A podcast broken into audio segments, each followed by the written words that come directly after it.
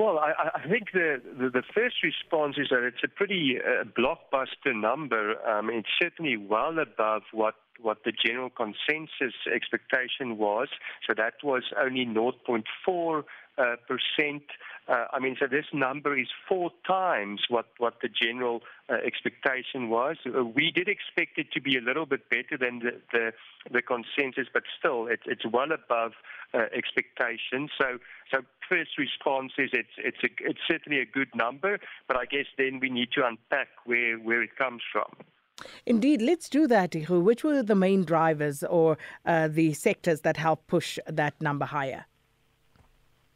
Sure. So the GDP one one looks from two sides. We have the production side or the sectoral side, where Stats SA gives us numbers on, on 10 of the largest sectors of the economy. And if we look at GDP from that perspective, uh, it was the agricultural sector. So that is a small sector of the economy, but that bounced back very uh, significantly after it contracted in, in the second quarter. So that was one reason for the upside surprise that agriculture did a lot better than was generally uh, forecasted.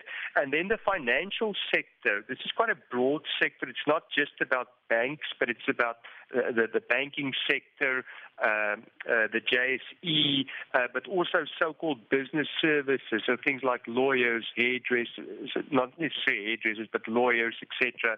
Uh, that sector also uh, did well.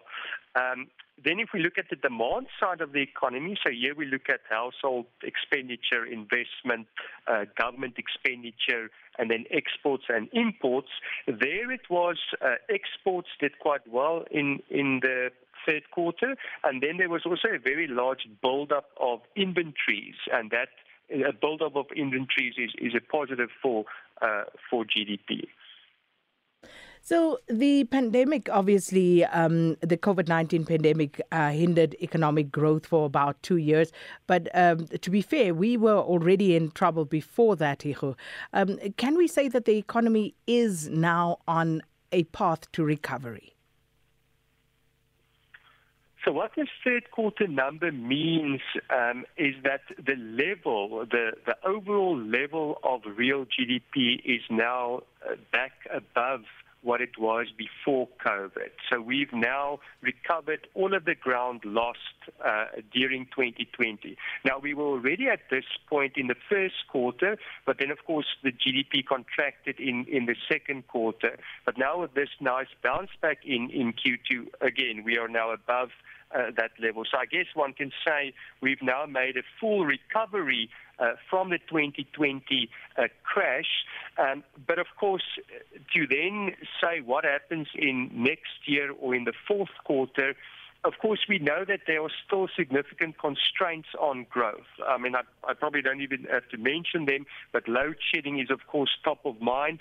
That continues in the fourth quarter. It's probably continue in, into next year. So that's going to remain a dampener uh, on on growth.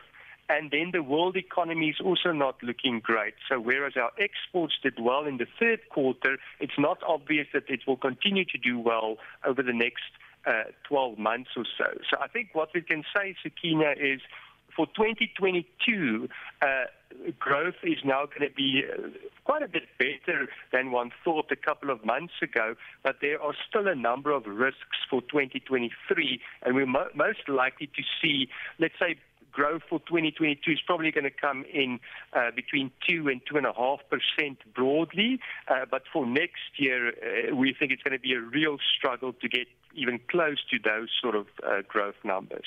On that, you know, it's so unfortunate, uh, Hijo, because we keep talking about this economic growth that, of course, we need to have in order to address uh, the challenges we have, like unemployment, poverty, inequality. But how do we get this economy growing by a lot more than uh, the 1.6% uh, only for the third quarter uh, and on a sustained growth path? What do we need to do in terms of just broad strokes and low hanging fruit that we can look at right now? Well, I think the one low-hanging, low-hanging fruit is we, we're starting to do that now, and, and that is to invest a lot more in green energy um, in uh, uh, uh, capacity. So, in other words, to, to make us less re- reliant on ESCOM's coal uh, fired power stations.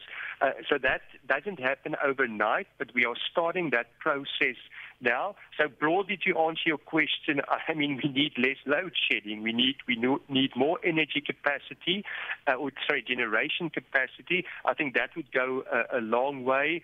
Uh, and then uh, other SOEs that are holding us back, certainly Transnet is one of them. Uh, so this year we had decent demand for our exports, but because of significant logistical bottlenecks on the railway lines and also at the ports, uh, we're struggling to get volumes uh, exported. So I think those are two uh, significant constraints um, on the transport infrastructure and also on the electricity infrastructure, where if we can start to make inroads there, uh, I think it, it will really put us in, in good stead to then have a better base from which to, to grow at a, at a faster rate. There are, of course, other, other issues, but I think those two certainly currently are top of mind. Yichu, thank you so much for your time. Uh, Yichu Pienaar is Chief Economist at the Bureau for Economic Research. Let us know what your thoughts are as well.